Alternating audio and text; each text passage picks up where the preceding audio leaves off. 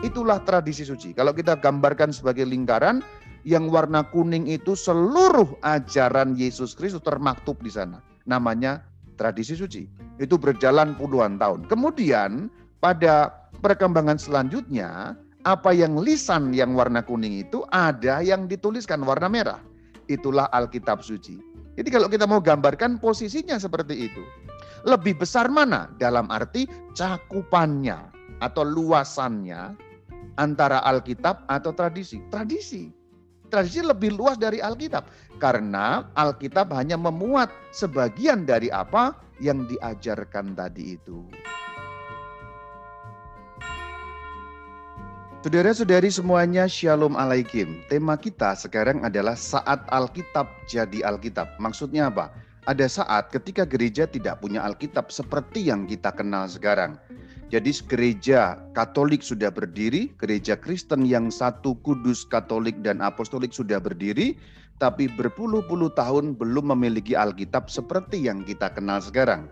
Jadi Alkitab itu muncul dan tumbuh, ditulis, kemudian dikumpulkan, kemudian disahkan atau diresmikan sebagai Alkitab pada perkembangan kemudian. Jadi bukan sejak awal sekali terbentuknya gereja Tuhan.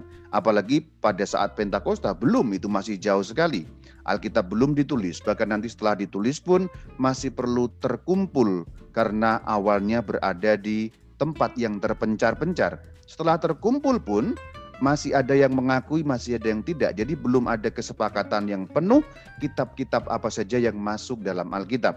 Barulah kemudian pada akhirnya gereja atau tradisi suci menyatakan isi Alkitab itu seperti apa. Nah inilah yang dimaksud dengan judul saat Alkitab jadi Alkitab. Berarti ada saat di mana Alkitab belum dianggap sebagai Alkitab. Atau dalam bahasa yang lebih lugas, ada saat di mana kitab-kitab yang sekarang tergabung dalam Alkitab belum sepenuhnya dianggap dinilai sebagai bagian dari Alkitab. Karena apa? Pada zaman para rasul dan setelahnya, Alkitab itu belum jelas. Belum jelas dalam arti apa? Isi kitabnya apa saja belum jelas. Jadi kalau kita pada zaman para rasul atau pada zaman murid-muridnya para rasul, kita nggak bisa bertanya, isi Alkitab Kristen itu apa ya? Belum bisa, karena memang belum jelas. Itu tidak sejelas kita sekarang kalau ditanya isi Alkitab Kristen yang satu, kudus, katolik, dan apostolik, apa saja kitabnya, jelas sekarang. Tapi pada masa para rasul tidaklah demikian, belum jelas adanya. Karena itu ada masa ketika Alkitab tanda petik belum jadi. Jadi ada masa dan itu bukan masa yang sebentar, itu puluhan bahkan beberapa ratus tahun ketika Alkitab belum jadi. Dalam arti belum jadi apa? Belum jadi seperti yang kita kenal sekarang ini. Jadi ada saat ketika Alkitab ditetapkan menjadi Alkitab. Nah ini sekarang pertama akan kita jernihkan dulu istilah tradisi. Sebab orang bicara mengenai tradisi, tradisi, tradisi, tapi sering kali secara umum sehari-hari kata tradisi umumnya diartikan sebagai adat istiadat atau diartikan sebagai kebiasaan. Ah, sudah tradisi, berarti sudah menjadi kebiasaan atau adat istiadat. Umumnya kata itu dalam bahasa Indonesia diartikan demikian. Sayangnya juga orang-orang Katolik di Indonesia yang menggunakan atau mendengar kata ini sering kali di dalam benaknya mengartikan kata tradisi atau tradisi suci dalam arti kebiasaan atau dalam arti adat istiadat. Sebenarnya kalau kita bicara dalam konteks iman Katolik, tradisi tidak sama dengan adat istiadat adat istiadat itu misalnya kita imlekan, malam imlek kita makan ikan, suran kalau orang Jawa satu suro keliling kota dengan membisu orang orang Islam mudik lebaran itu kebiasaan atau adat istiadat. Nah, tradisi itu bukan itu kalau kita bicara di dalam konteks iman Katolik. Tradisi lebih dalam daripada itu. Maka kalau kita berada di dalam pembicaraan mengenai iman Katolik, tradisi berarti ajaran iman yang diteruskan dari abad ke abad sejak zaman para rasul sampai hari ini. Silakan digarisbawahi, tradisi adalah ajaran iman yang diteruskan. Yang dalam tulisan itu saya uh, kutip dengan warna kuning, yaitu ajaran iman yang diteruskan. Itulah tradisi. Jadi tradisi mengenai ajaran, mengenai apa yang diajarkan oleh siapa? Oleh Yesus Kristus melalui para rasul. Jadi bukan sekedar mengenai kebiasaan-kebiasaan. Para rasul biasa apa itu bukan soal itu, tapi mengenai ajaran. Ajaran menyangkut iman kepada Yesus Kristus. Berarti kalau kita bicara mengenai tradisi itu seluruh ajaran tentang Yesus Kristus yang diwartakan oleh para rasul dan diteruskan oleh para penggantinya. Ajaran di situ berarti mencakup apa? Perkataan Tuhan Yesus, firmannya Tuhan Yesus, dan juga perbuatan-perbuatannya Tuhan Yesus. Tidak hanya soal perkataan, tapi juga perbuatan-perbuatan Tuhan Yesus. Perintah-perintah Tuhan Yesus, tapi juga apa yang beliau lakukan. Itu berarti kan sebenarnya seluruhnya. Nah tradisi itu diteruskan. Karena itulah kalau kita membuka 1 Korintus 11 ayat 23, Rasul Paulus dalam hal ini tapi juga berarti seluruh rasul itu meneruskan yang diterima dari Tuhan. Mari perhatikan kata-kata dalam surat pertama Korintus bab 11 ayat 23.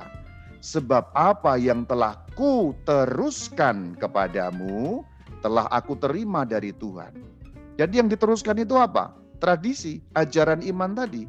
Dari mana? Dari Tuhan.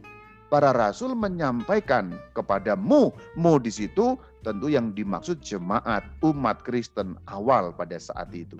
Jadi mereka tidak mengarang karena mereka hanya meneruskan. Jadi yang diterima, yang diterima dari Tuhan, kemudian yang diteruskan kepada umat itulah tradisi seluruh ajaran iman. Saya ulangi di sini kata seluruh berarti mencakup keseluruhan. Keseluruhan. Tidak hanya sebagian tapi keseluruhan itulah yang disebut tradisi suci. Ada kata suci sebab asalnya dari Tuhan. Dari mana buktinya asalnya dari Tuhan? 1 Korintus 11 ayat 23 tadi, telah aku terima dari Tuhan. Jadi tradisi itu bukan buatan manusia. Landasannya di mana? 1 Korintus 11 ayat 23. Telah aku terima. Atau kalau dibalik, aku terima dari Tuhan, maka aku teruskan kepadamu. Itu kalau dibalik kalimatnya. Kalimatnya Rasul Paulus kan, yang telah kuteruskan, kuterima dari Tuhan. Maksudnya adalah, ini aku sudah menerima dari Tuhan, sekarang kuteruskan kepadamu. Itulah maksudnya tradisi suci. Maka ada kata suci karena asalnya dari Tuhan, bukan dari manusia. Maka kalau ada orang-orang mengatakan tradisi yang diimani itu berasal dari manusia, oh tidak. Landasan biblikalnya atau alkitabiahnya ada di surat Korintus pertama tadi itu yang sudah saya sebutkan. Manusia, yaitu dalam hal ini para rasul, hanya meneruskan. Itu persis seperti perkataan Rasul Paulus, ku teruskan karena aku menerimanya dari Tuhan. Ini harus dicatat, tradisi suci awalnya bentuknya lisan. Dan itu lisan semuanya, tidak ada yang tertulis. Disampaikan dalam perkataan, bukan dalam tulisan. Itulah awal mulanya. Jadi kita harus mencatat semua ajaran tadi yang diterima dari Tuhan, ya kita mengacu lagi ke surat pertama Korintus 11 ayat 23. Semua, saya ulangi, semua yang diterima dari Tuhan kemudian diteruskan dalam bentuk lisan, semuanya. Awalnya itu. Jadi bahan dasarnya itu lisan. Nah, kemudian sebagian ajaran itu dituliskan.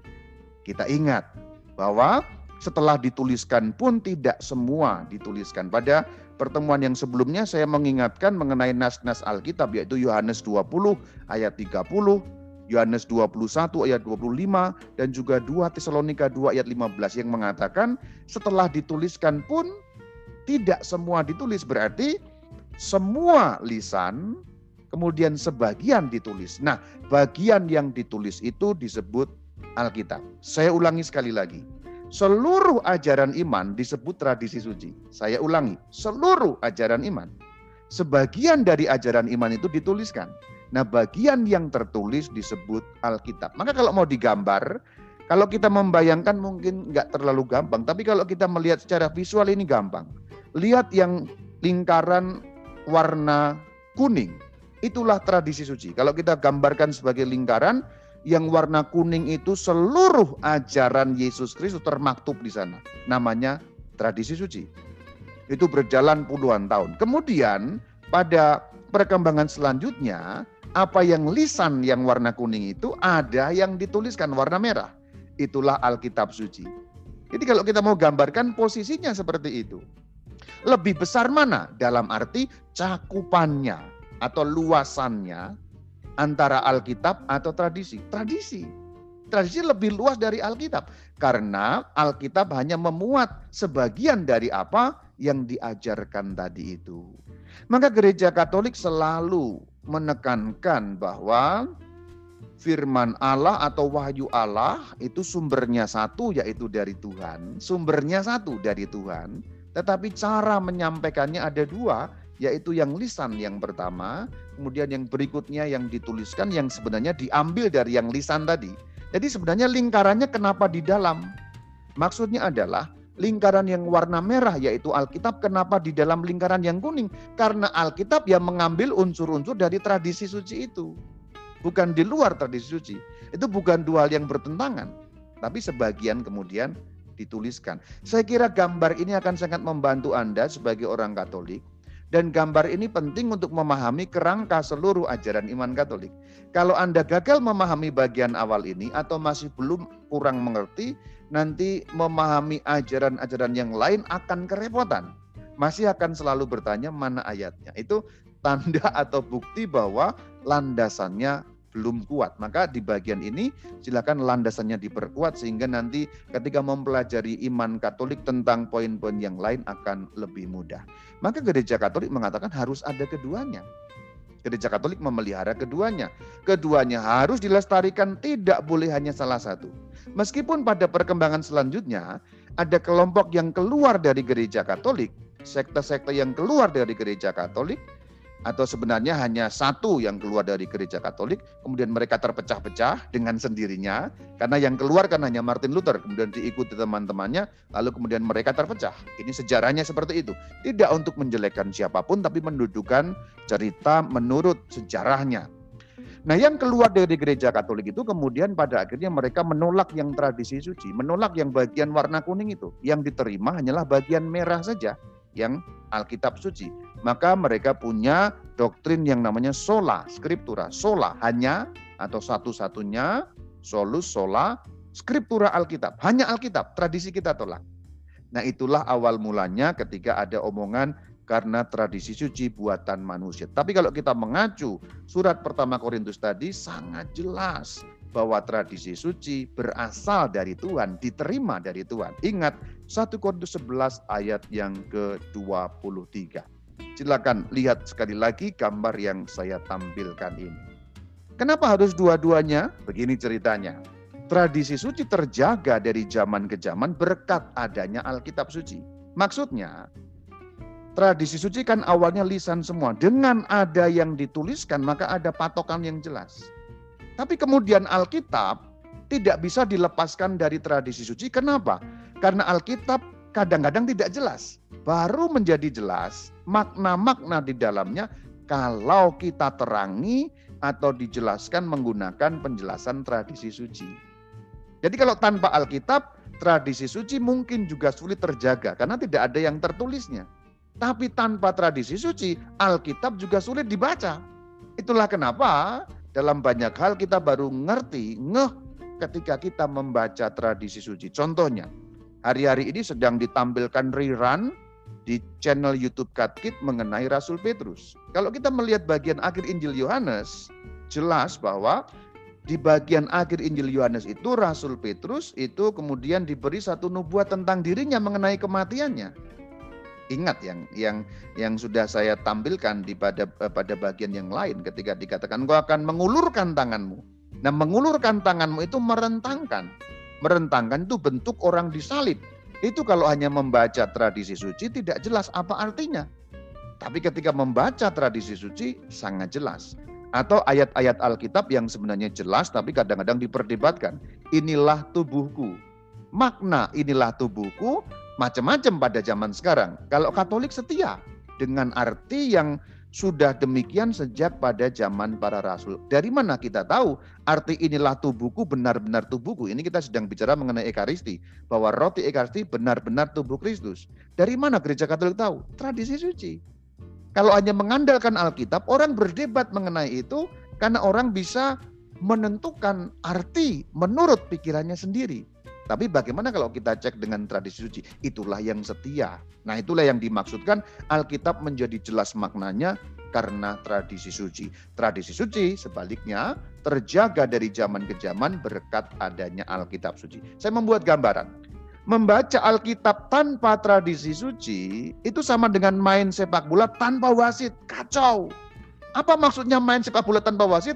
Orang bisa seenak-enaknya membuat aturan sendiri. Itulah yang terjadi di luar sana ketika kata-kata Alkitab ditafsirkan sendiri. Nah, Anda lihat, di luar gereja Katolik, orang yang mengaku juga punya Alkitab itu menafsirkan seenak udelnya sendiri. Padahal udelnya ada yang bodong, ada yang bolong. Lalu berbeda-beda. Nah itulah membaca Alkitab tanpa tradisi suci. Main bola tanpa wasit, wasitnya diri sendiri. Tafsirannya tafsiran diri sendiri. Tapi dengan adanya tradisi suci, tentulah kita bisa mengetahui bagaimana menafsirkan suatu ayat. Ini gambarannya, ada wasitnya. Wasitnya siapa? Tradisi suci. Apakah tafsiran kita benar, valid, seperti sejak zaman para rasul, atau ngarang, atau kreasi baru atau menurut pikiranku sendiri itu bisa kita lacak dari tradisi suci. Sebaliknya, melaksanakan tradisi suci tanpa adanya Alkitab sama dengan main bola tanpa aturan tertulis. Anda bisa bayangkan, main bola tanpa aturan tertulis. Jadi nanti acuannya bagaimana kalau nggak ada yang tertulis? Nanti setiap orang bisa ngomong menurut aturannya sendiri. Nah ini dia, maka gereja katolik memelihara kedua-duanya. Sebab tradisi suci dan Alkitab suci adalah dua cara penyampaian iman yang asalnya satu, yaitu Tuhan. Atau dua cara menyampaikan wahyu Tuhan yang sumbernya satu, yaitu Tuhan. Telah aku terima dari Tuhan. Tadi kita ingat surat pertama Korintus. Nah kenyataannya ada kelompok yang membuang salah satu unsur mereka punya prinsip sola scriptura, hanya Alkitab. Yang penting itu cuma Alkitab, tradisi itu enggak penting. Maka mereka selalu bertanya mana ayatnya. Itu inti pendapat mereka kalau ajaran iman tidak ada ayatnya dalam Alkitab berarti tidak usah dipercaya karena ajaran itu palsu. Nah, itulah inti ajaran yang dinamakan sola scriptura atau inti doktrin sola scriptura. Setiap ajaran harus ada dong dalam Alkitab ayatnya, kurang lebih seperti itu. Kalau tidak ada ayatnya berarti palsu, tidak sesuai dengan firman Tuhan. Haleluya, saudara. Itu intinya. Tapi apakah demikian? Tentu saja tidak. Kalau kita melihat kelompok sola scriptura, ya kita tidak boleh memaksakan pikiran kita memang, tapi sebaliknya mereka juga tidak berhak untuk memaksakan pikirannya kepada kita. Artinya, gereja Katolik sejak semula memang punya keyakinan kedua-duanya harus dilestarikan. Bukan hanya Alkitab saja sebagai rujukan. Karena gereja itu tidak menganut sola scriptura. Gereja Katolik tidak pernah menerima sola scriptura, tidak pernah menerima hanya Alkitab karena dua-duanya yang selalu harus dilestarikan. Maka sekarang kita perbandingkan, mana yang benar?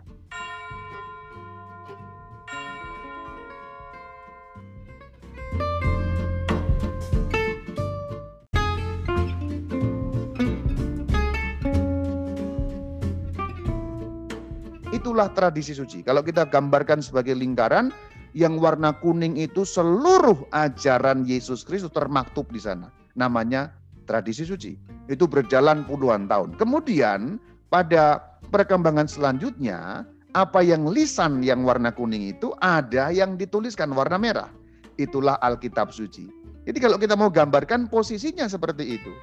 Lebih besar mana dalam arti cakupannya atau luasannya antara Alkitab atau tradisi? Tradisi tradisi lebih luas dari Alkitab.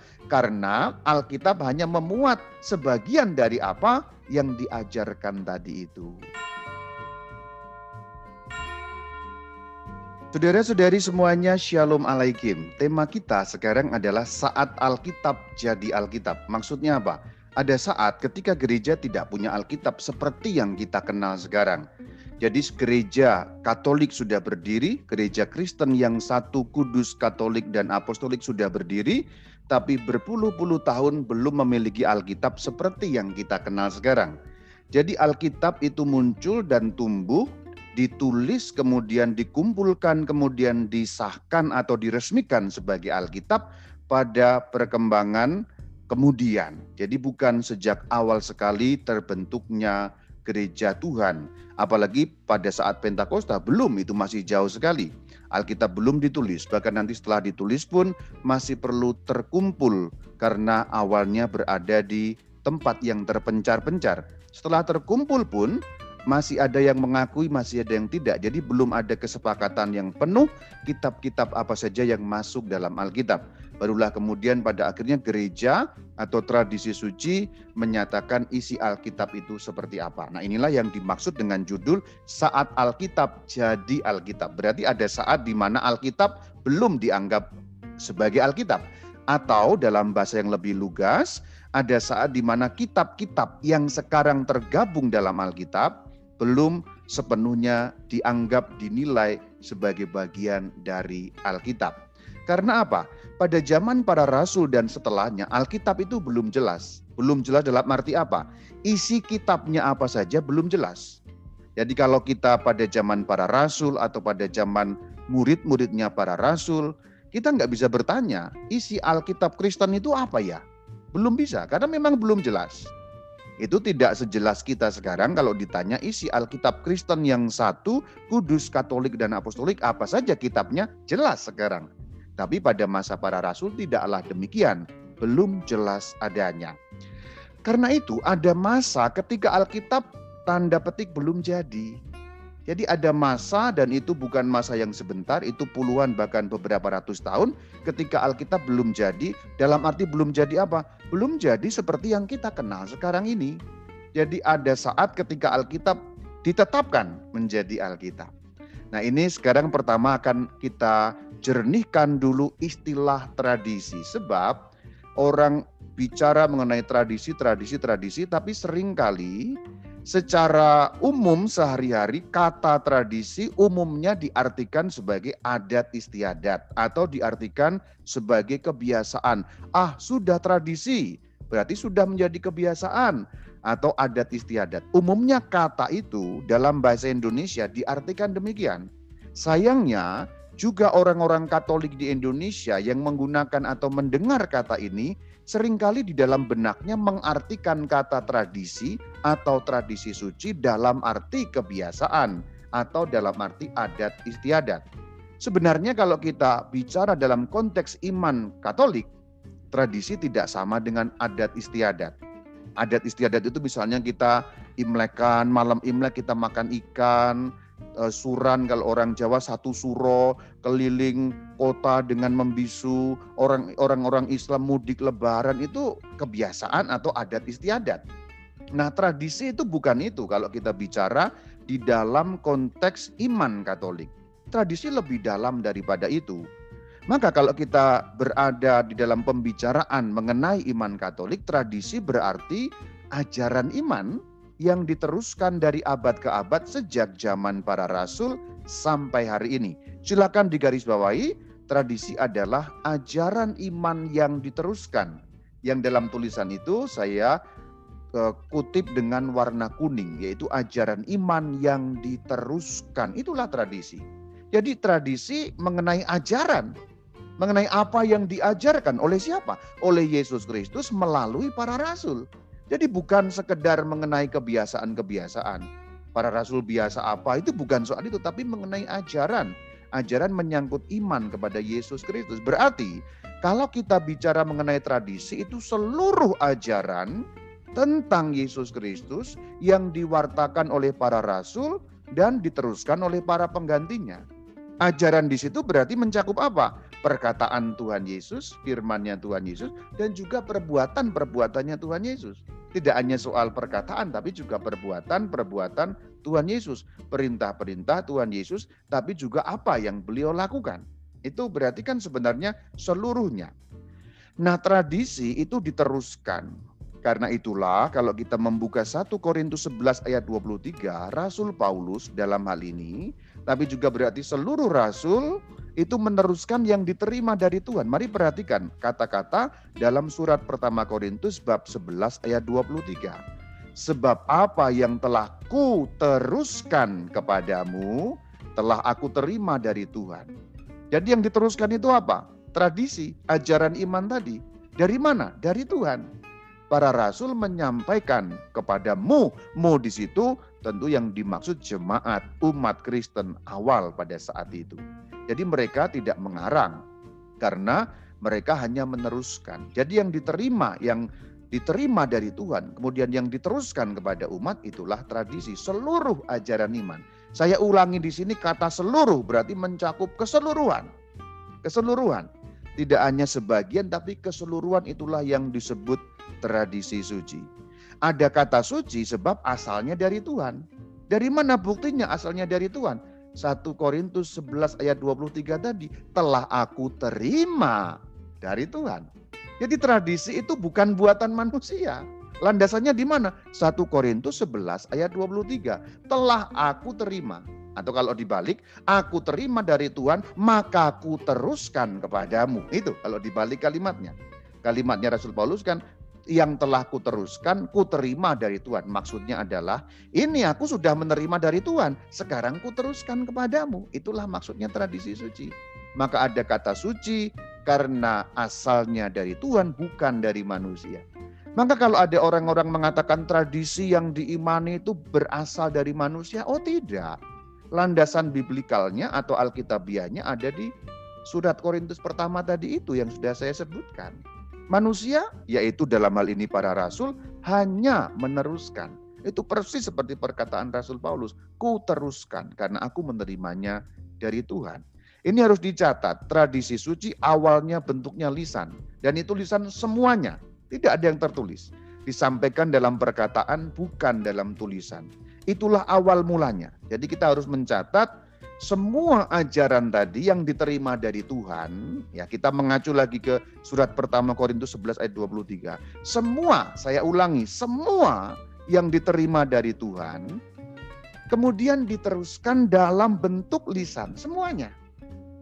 Awalnya itu. Jadi bahan dasarnya itu lisan. Nah kemudian sebagian ajaran itu dituliskan.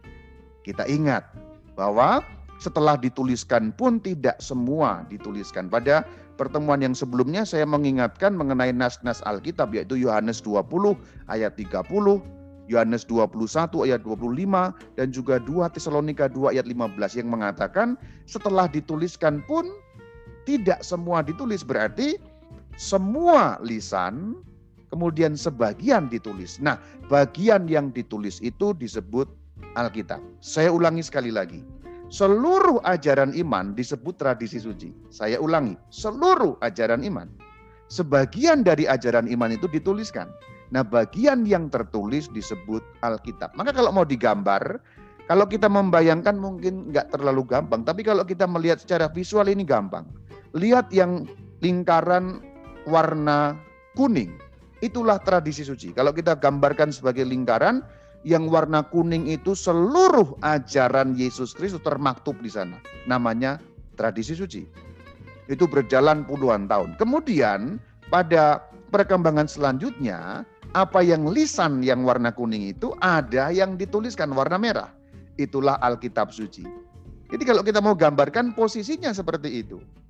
Lebih besar mana? Dalam arti cakupannya atau luasannya antara Alkitab atau tradisi. Tradisi.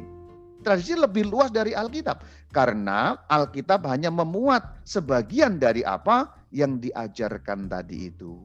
Maka gereja katolik selalu menekankan bahwa firman Allah atau wahyu Allah itu sumbernya satu yaitu dari Tuhan. Sumbernya satu dari Tuhan tetapi cara menyampaikannya ada dua, yaitu yang lisan yang pertama, kemudian yang berikutnya yang dituliskan yang sebenarnya diambil dari yang lisan tadi.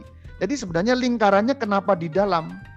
Maksudnya adalah lingkaran yang warna merah yaitu Alkitab kenapa di dalam lingkaran yang kuning? Karena Alkitab yang mengambil unsur-unsur dari tradisi suci itu. Bukan di luar tradisi suci. Itu bukan dua hal yang bertentangan.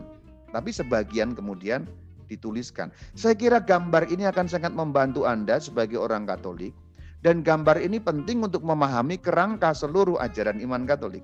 Kalau Anda gagal memahami bagian awal ini atau masih belum kurang mengerti, nanti memahami ajaran-ajaran yang lain akan kerepotan.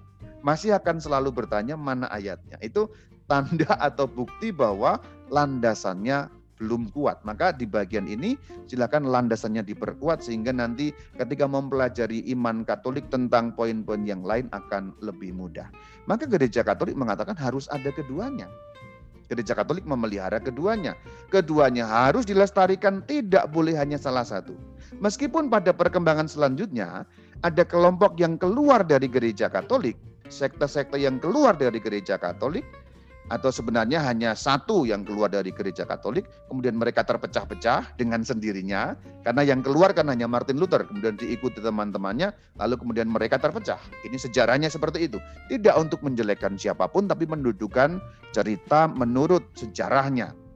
Nah yang keluar dari gereja Katolik itu kemudian pada akhirnya mereka menolak yang tradisi suci, menolak yang bagian warna kuning itu. Yang diterima hanyalah bagian merah saja, yang Alkitab suci maka mereka punya doktrin yang namanya sola scriptura. Sola hanya atau satu-satunya solus sola scriptura Alkitab. Hanya Alkitab, tradisi kita tolak. Nah itulah awal mulanya ketika ada omongan karena tradisi suci buatan manusia. Tapi kalau kita mengacu surat pertama Korintus tadi sangat jelas bahwa tradisi suci berasal dari Tuhan, diterima dari Tuhan. Ingat 1 Korintus 11 ayat yang ke-23. Silakan lihat sekali lagi gambar yang saya tampilkan ini. Kenapa harus dua-duanya? Begini ceritanya. Tradisi suci terjaga dari zaman ke zaman berkat adanya Alkitab suci. Maksudnya, tradisi suci kan awalnya lisan semua. Dengan ada yang dituliskan, maka ada patokan yang jelas. Tapi kemudian Alkitab tidak bisa dilepaskan dari tradisi suci. Kenapa? Karena Alkitab kadang-kadang tidak jelas. Baru menjadi jelas makna-makna di dalamnya kalau kita terangi atau dijelaskan menggunakan penjelasan tradisi suci. Jadi kalau tanpa Alkitab, tradisi suci mungkin juga sulit terjaga karena tidak ada yang tertulisnya. Tapi tanpa tradisi suci, Alkitab juga sulit dibaca. Itulah kenapa dalam banyak hal kita baru ngerti, ngeh ketika kita membaca tradisi suci. Contohnya, Hari-hari ini sedang ditampilkan rerun di channel YouTube Katkit mengenai Rasul Petrus. Kalau kita melihat bagian akhir Injil Yohanes, jelas bahwa di bagian akhir Injil Yohanes itu Rasul Petrus itu kemudian diberi satu nubuat tentang dirinya mengenai kematiannya. Ingat yang yang yang sudah saya tampilkan di pada pada bagian yang lain ketika dikatakan kau akan mengulurkan tanganmu. Nah, mengulurkan tanganmu itu merentangkan merentangkan itu bentuk orang disalib. Itu kalau hanya membaca tradisi suci tidak jelas apa artinya. Tapi ketika membaca tradisi suci sangat jelas. Atau ayat-ayat Alkitab yang sebenarnya jelas tapi kadang-kadang diperdebatkan. Inilah tubuhku. Makna inilah tubuhku macam-macam pada zaman sekarang. Kalau Katolik setia dengan arti yang sudah demikian sejak pada zaman para rasul. Dari mana kita tahu arti inilah tubuhku benar-benar tubuhku. Ini kita sedang bicara mengenai ekaristi. Bahwa roti ekaristi benar-benar tubuh Kristus. Dari mana gereja katolik tahu? Tradisi suci. Kalau hanya mengandalkan Alkitab, orang berdebat mengenai itu karena orang bisa menentukan arti menurut pikirannya sendiri. Tapi bagaimana kalau kita cek dengan tradisi suci? Itulah yang setia. Nah itulah yang dimaksudkan Alkitab menjadi jelas maknanya karena tradisi suci. Tradisi suci sebaliknya terjaga dari zaman ke zaman berkat adanya Alkitab suci. Saya membuat gambaran. Membaca Alkitab tanpa tradisi suci itu sama dengan main sepak bola tanpa wasit. Kacau. Apa maksudnya main sepak bola tanpa wasit? Orang bisa seenak-enaknya membuat aturan sendiri. Itulah yang terjadi di luar sana ketika kata-kata Alkitab ditafsirkan sendiri. Nah, Anda lihat, di luar gereja Katolik, orang yang mengaku juga punya Alkitab itu menafsirkan seenak udelnya sendiri. Padahal udelnya ada yang bodong, ada yang bolong. Lalu berbeda-beda. Nah itulah membaca Alkitab tanpa tradisi suci. Main bola tanpa wasit, wasitnya diri sendiri. Tafsirannya tafsiran diri sendiri. Tapi dengan adanya tradisi suci, tentulah kita bisa mengetahui bagaimana menafsirkan suatu ayat. Ini gambarannya, ada wasitnya.